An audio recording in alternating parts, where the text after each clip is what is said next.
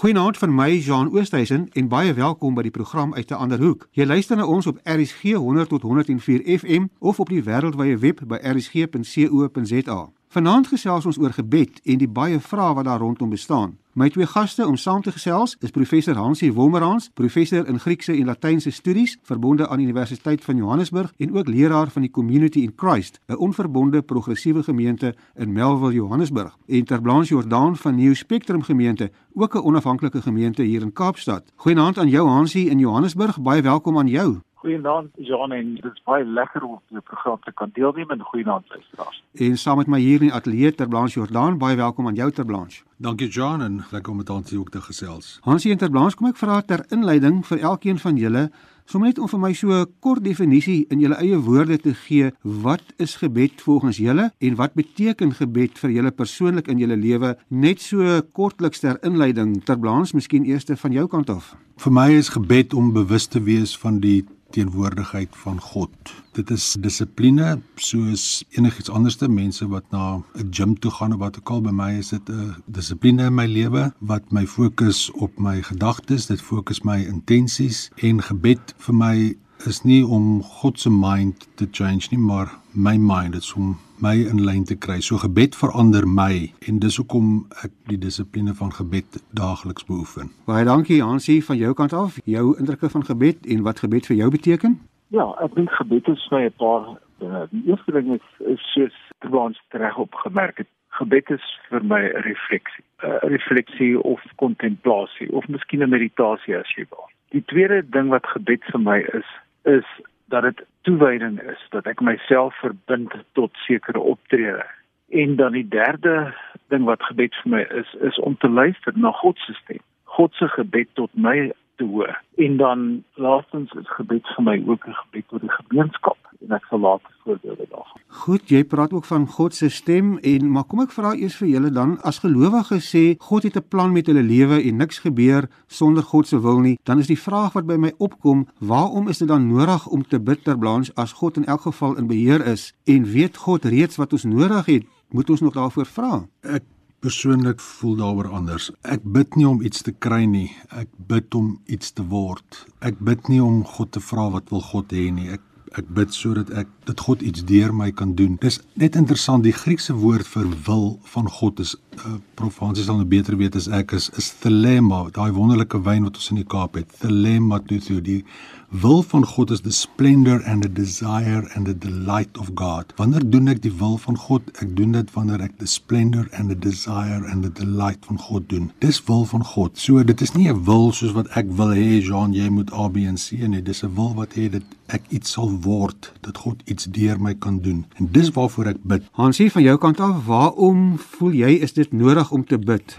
Wel, ek ek dink ook jy weet dat ek sien nie God as 'n popgees nie. God is nie besig om die touwtjies van my lewe te trek of van die geskiedenis of enigiets anders. Daar is geen bewyse daarvoor nie. En en God glo ek uh, die natuurwette geskep en ek het geen bewys of ervaring ooit gehad dat God teen sy eie natuurwette optree nie. Een van die uh, oulikste staaltjies waarvan ek weet is dat in die Tweede Boereoorlog het 'n boer op die vooraand van die uh, geveg uh, gebed moes moes doen en toe het hy iets gebid soos Here ek weet die Engelse is Christene en ons is ook Christene dit maar baie moeilik vir u wees om te besluit aan wiese kant u gaan beklei ek wil voorstel bly maar uit die geveg dat ons maar sake self tussen ons uitspreek so ek glo nie dat God op enige manier soos 'n poppenmeester optree nie en die enigste sin wat gebed vir my kan hê is wanneer ek byvoorbeeld bid om myself toe te wy en myself verbind tot sake soos gesprekvoering, soos demokrasie, soos om nie te geweld te gebruik om om probleme op te los nie om sensitief te wees vir die krete van die natuur, vir die gebeure wat van die natuur na ons ons koolstof voetspoor te verminder en so aan. Die soort gebed maak vir my sin. Gebed is nie wat nie. As mens wil bid vir wat, moet ek die werk vat of nie? Moet ek die huis koop of nie? Moet ek die vrou trou of nie? Ek stem heeltemal saam.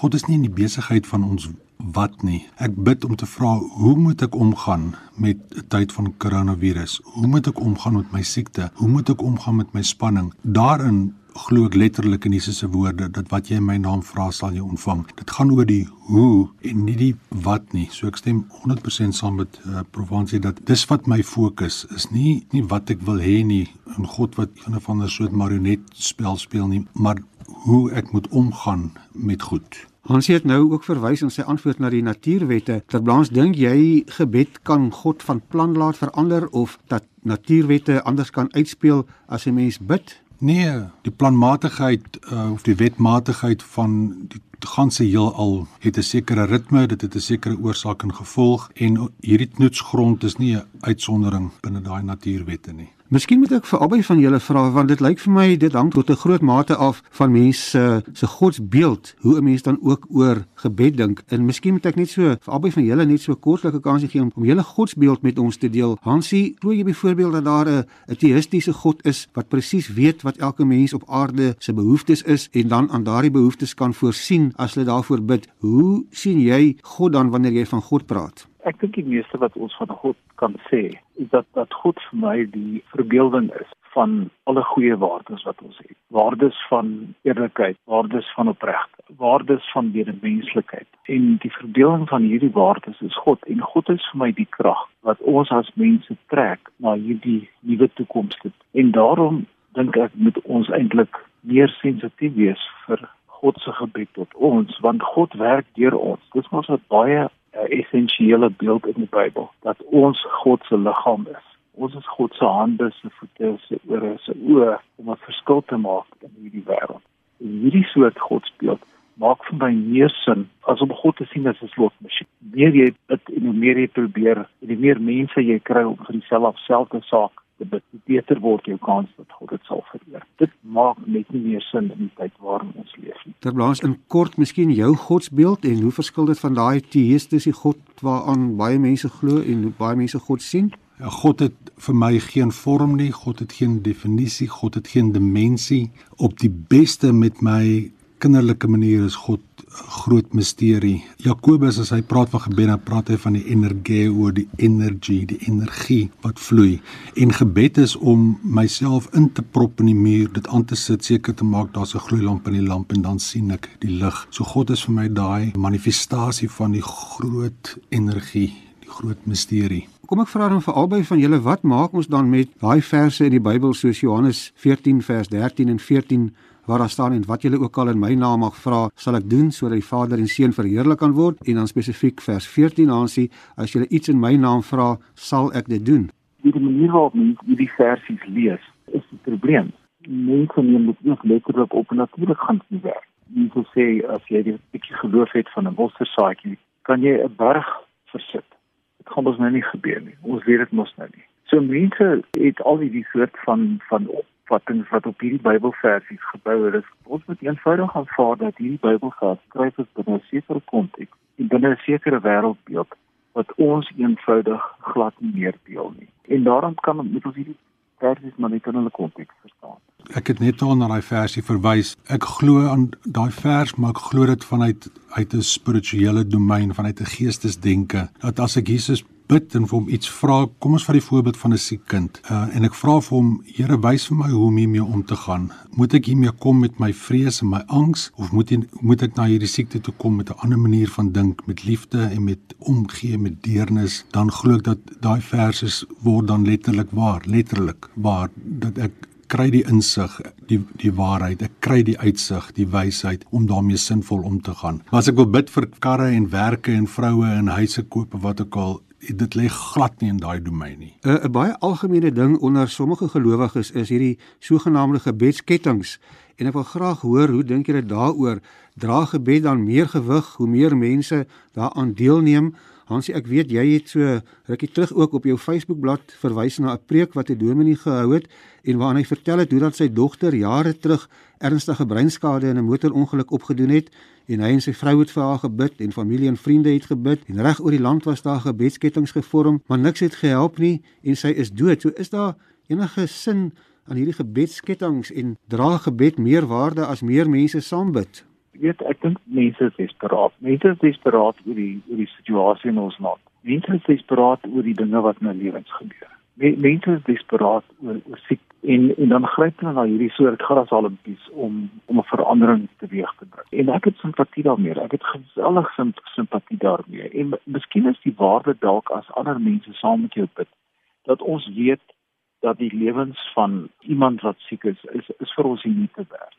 Maar ek dink ons moet ook eerlik wees vir mekaar sê dat as 'n gebedsketting gevorm word, dit geen dit nie God se arm gaan draai om enigstens in te gryp teen enige verloop van natuurlike verloop van sake nie. Dit gaan nie gebeur nie. En ek dink dit is oneerlik om op hierdie manier om te gaan met God. Iemand het nou die dag vir my iets ges, geskryf uh, en gesê terwyl jy vir 10 minute bid, is daar 114 kinders wat sterf van die honger, 23 kinders wat in slawerny ingedwing word, 15 mense wat selfmoord pleeg, 13 mense wat verkragt word, 10 mense wat vermoor word. En 3 mense wat in die oorlog sterf. Dis nou maar wegkom van hierdie goed af en weet dat God het vir ons verantwoordelikheid gegee om op te tree en ons moet eerder soos ter plaas reg sê luister na wat God wil hê. Ons moet doen as om te probeer om God te Ter plaas baie van hierdie gebedsketTINGS word op Facebook ook versprei en dan word daar gesê as jy nou die ketting breek dan gaan een of ander nare ding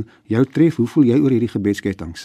Soos dit waar corona dan vandaan kom seker. Iemand het 'n ketting gebreek. Ek sê weer, gebed is gefokusde gedagtes, gefokusde intensies. Ek en jy dit saam doen, dan fokus ons ons gedagtes en intensies op op wat bring liefde, wat bring vreugde, wat bring vrede en geduld en vriendelikheid. Wat bring die goedheid uit ons uit en die sagmoedigheid wat gee vir ons selfbeheersing. As ons dit saam doen, dis waarop ons gedagtes moet fokus, nie 'n gebedsketting vir vir vrede as God vir ons meer as genoeg gegee het om konflik op te los of te bid dat die minderbevoorregtes iets sal hê om te eet as God vir ons meer as genoeg gegee het om te deel nie. Dis nie 'n gebedsketting werd nie. Ons gesels vanaand oor gebed en my twee gaste is professor Hansie Wolmerans en Terblanche Jordaan. Hansie, ons hoor en lees baie van gebedsgenesing ook vir siekes. En so 'n klompie jare terug was daar toergroepe deur bekende dominees in ons land wat mense in Nigerië toegeneem het na 'n profeet met die naam TB Joshua wat hulle sou gesond bid en dit het 'n baie lelike naderdraai gehad. En vandag weet ons, mense kan nie eens agslaan op sy sogenaamde profetiese stem nie. Hy het onder andere ook voorspel dat COVID-19 al einde Maart wêreldwyd sou verdwyn het. Wat dink jy van hierdie tipe mense wat partykeer amper uitbuiting doen wat mense op strepe na sulke profete toegeneem word om vir hulle te bid. Dit is net wat mense bygelowig is. En ek dink ons ons dominees en ons pastore en ons teoloë verwaarloos hulle plig gruwelik om nie vir mense te sê dat daar nie iets is soos geloofsgenesing nie. Hierdie mense is bedriegs. Ek het eendag gesels met 'n dokter wat in beheer is van 'n rehabilitasiesentrum. En hierdie dokter het vir my gesê dat sy nog sy het nog geen enkele wonderwerk ooit in haar lewe by die rehabilitasie sentrum raak geloop nie. Natuurlik het baie mense wat daar is, mense wat verlap is, mense wat beheer verloor het oor oor hulle liggaamsfunksie, gaan na geloofsgeneesers lesers toe en dit self ook daaroor en dit werk. En die tweede ding wat sy vir my gesê het is dat hierdie soort optrede strem die rehabilitasie van mense want hulle kry valse hoop en dan neem dit baie langer om hulle uiteindelik gerehabiliteer te kry. En daarom wil ek graag 'n oproep doen met elke dominee wat dalk lê, elke pastoor, elke teoloog, dat ons moet ophou om vir mense valse hoop te gee. Verblaas die hele ding van geloofsgenesing. Ons hoor van mense wat uit rolstoele opstaan en loop en dis meer. Wat vir my vreemd is, mense hou aan en aan om daarin te stroom. Hoe moet goedgelowige mense hierop reageer en hoe weet hulle dan wanneer is dit skelmstreke?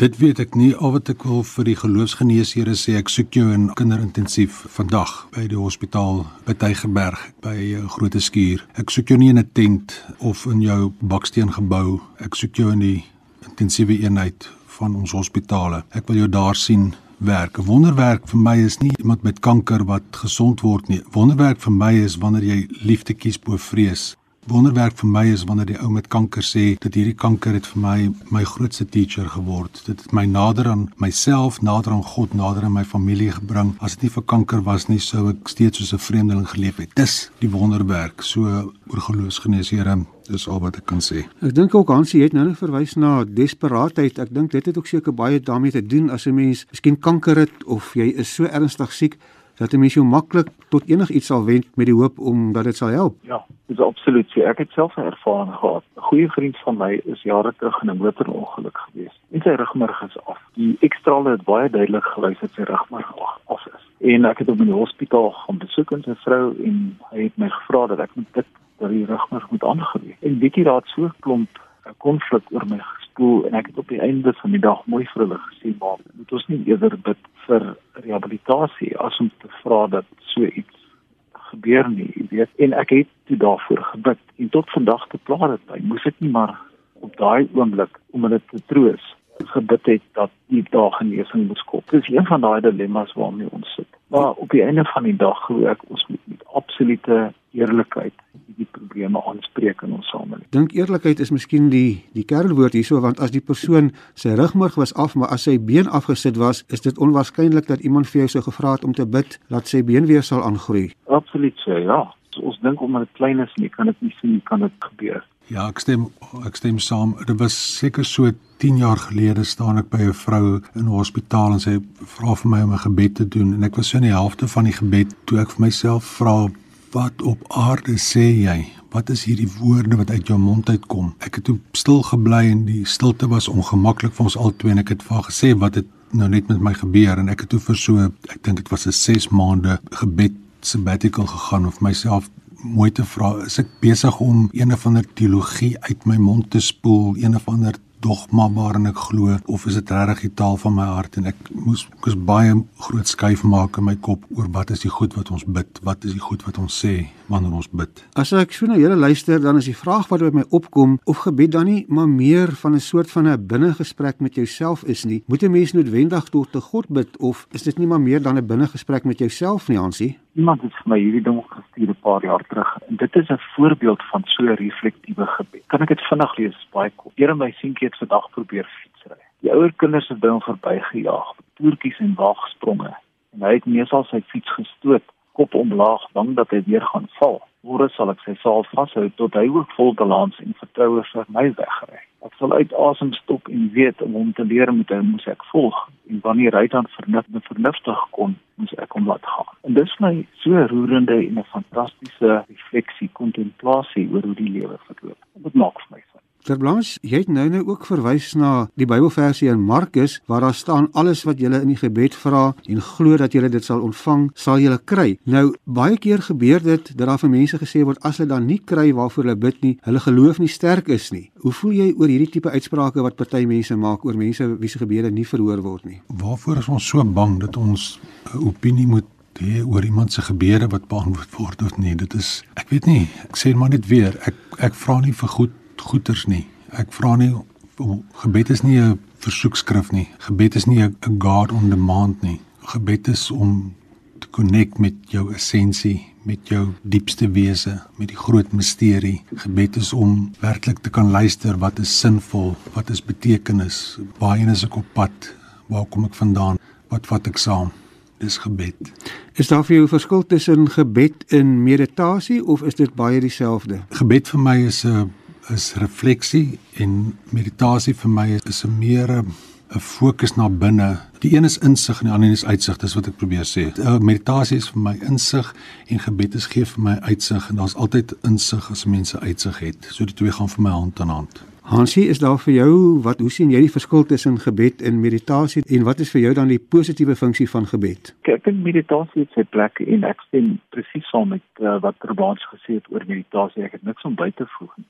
Ek, ek wil net net 'n byvoorbeeld 'n publieke soort van 'n gebed noem wat nou onlangs na vore gekom het. En dit is dat sportmense voordat hulle uh, 'n uh, wedstryd speel, op hulle een op hulle een been kniel. Dit is gebedhouding. En uh, daar word nie woorde gesê nie en almal weet op hierdie stadium en dit word voort van hulle verwag dat hulle op hierdie manier die Black Lives Matter beweging ondersteun.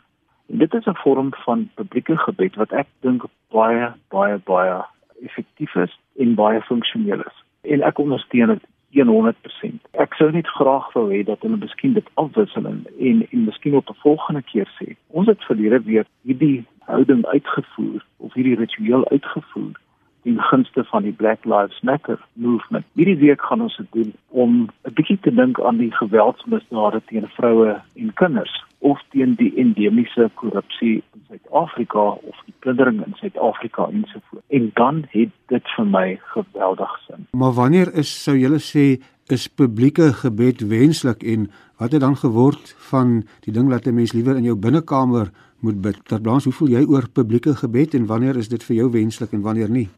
Ja, die enigste publieke gebed wat ek doen is binne ons sirkel tussen in daai atmosfeer. Gebed is vir my baie baie intiem. Ek so ek ek steun eerder 'n stil gebed van in jou kamer gaan jou deur toe maak nou 'n ritueel jou hande vou jou oë sluit, miskien 'n bietjie minder praat. Hansie in die, in die ou dae was daar gereeld weeklikse bidure gewees, maar dit word ook minder. Dink jy dit is maar deel van die tye wat verander of waaraan sou jy dit toeskryf? Selfs bid daar vir reën vind ons nie eintlik meer nie, behalwe by uitsonderingsmense soos Angus Boegan en so, maar oor die algemeen neem dit af. Ek dink dit is omdat mense verstaan dat God nie teen die natuurwet is nie. Mense is besig om dit te verstaan. Dit is baie beter om om te gaan vra hoekom het ons klimaatsverandering en te probeer om iets daaraan te doen as om te vra dat God nie reën stuur. Dis nie eenvoudig.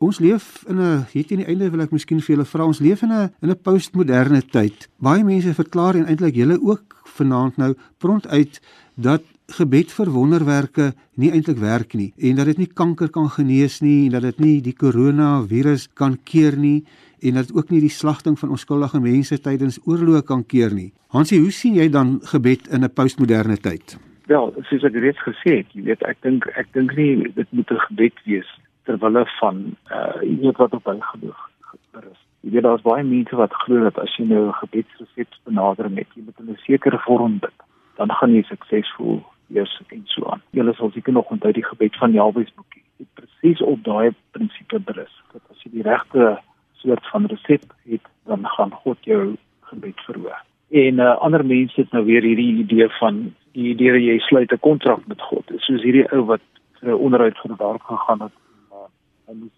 parkeerplek kry en hy's laat en hy sê hier asseblief gee my parkeerplek. Ek ek moet hierdie onderhoud voer en ek sal ophou om rokke te jag en ek sal elke sonderdag kerk toe gaan en ek sal ophou rook en ek sal ophou drink. En daar gaan 'n parkeerplek vir hom oop in die volgende ding wat hy sê hy sê ag jy of okay los dit maak en net self gaan. Hierdie soort van hierdie soort van gebed maak maak bespotting ek ek van God. En en soos ek gesê het ek dink selfrefleksie luister na die stem van God maak baie meer sin as om te vra dat God inmeng teen God se natuur. Ter blanse laaste woord van jou, hoe versoen 'n mens dan die tradisie volgens jou van gebed met 'n mens se gesonde verstand want dit lyk nie vir my mens kan regtig weer mee bid soos in die ou dae of soos wat baie mense tradisioneel gedink het dat mense gebedslysie kan opstel nie ons verstaan van gebed het verander. Ek bedoel dit is duidelik uit hierdie gesprek. Die wonderwerke waarvoor ek bid en ek sê dit weer is om liefde te kies bo vrees. Ehm um, dit is om my my illusie van verwydering tussen my en God uh, te vervang met versoening, my konflik met vrede. Dis die wonderwerke waarvoor ek bid. Ek bid want want om anders te dink, om anders te reageer. Ek bid vir 'n beter perspektief, 'n beter konteks, goed te sien uh, sodat ek 'n verskil maak in my huis, my straat en die milieu waarin ek leef. So dit is wat gebed vir my is en dit is hoe ek gebed verstaan. Ek het nou die dag ook iets op YouTube gehad oor gebed en oor die Onse Vader. Waar kan luisteraars daarna gaan luister as hulle graag verder wil luister daarna? Jy kan net na YouTube toe gaan en en intik New Spectrum N E O New Spectrum en dan het ons in hierdie tyd van corona wat ons nie by ons sirkel kan wees nie, het ons 'n uh, video sonda wat ons plaas met verskillende temas. Ons webwerf is uh, ons webblad is ook um, New Spectrum N E O uh, streepie spectrum.co.za. Hier sal ons ongelukkig moet amen sê want die tyd is verstreke en ons moet groet. Baie dankie aan my twee gaste, professor Hansie Wommerans, professor in Griekse en Latynse studies verbonde aan Universiteit van Johannesburg en ook leraar van die Community in Christ, 'n onverbonde progressiewe gemeente in Melville, Johannesburg en ook aan Terblanche Jordan van New Spectrum, ook 'n onafhanklike gemeente hier in Kaapstad. As jy wil kommentaar lewer op die gesprek, kan jy vir ons 'n SMS stuur na 45889 of besoek ons Facebookblad uit 'n ander hoek. Jy kan ook vir my 'n e-pos stuur na jean.oosthuizen@gmail.com.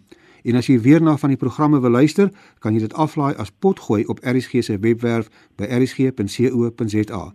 Baie dankie dat jy saam met ons gekuier het. Van my Jean Oosthuizen. Totsiens tot volgende week dieselfde tyd net hier op RSG wanneer ons weer uit 'n ander hoek gesels. Goeienaand.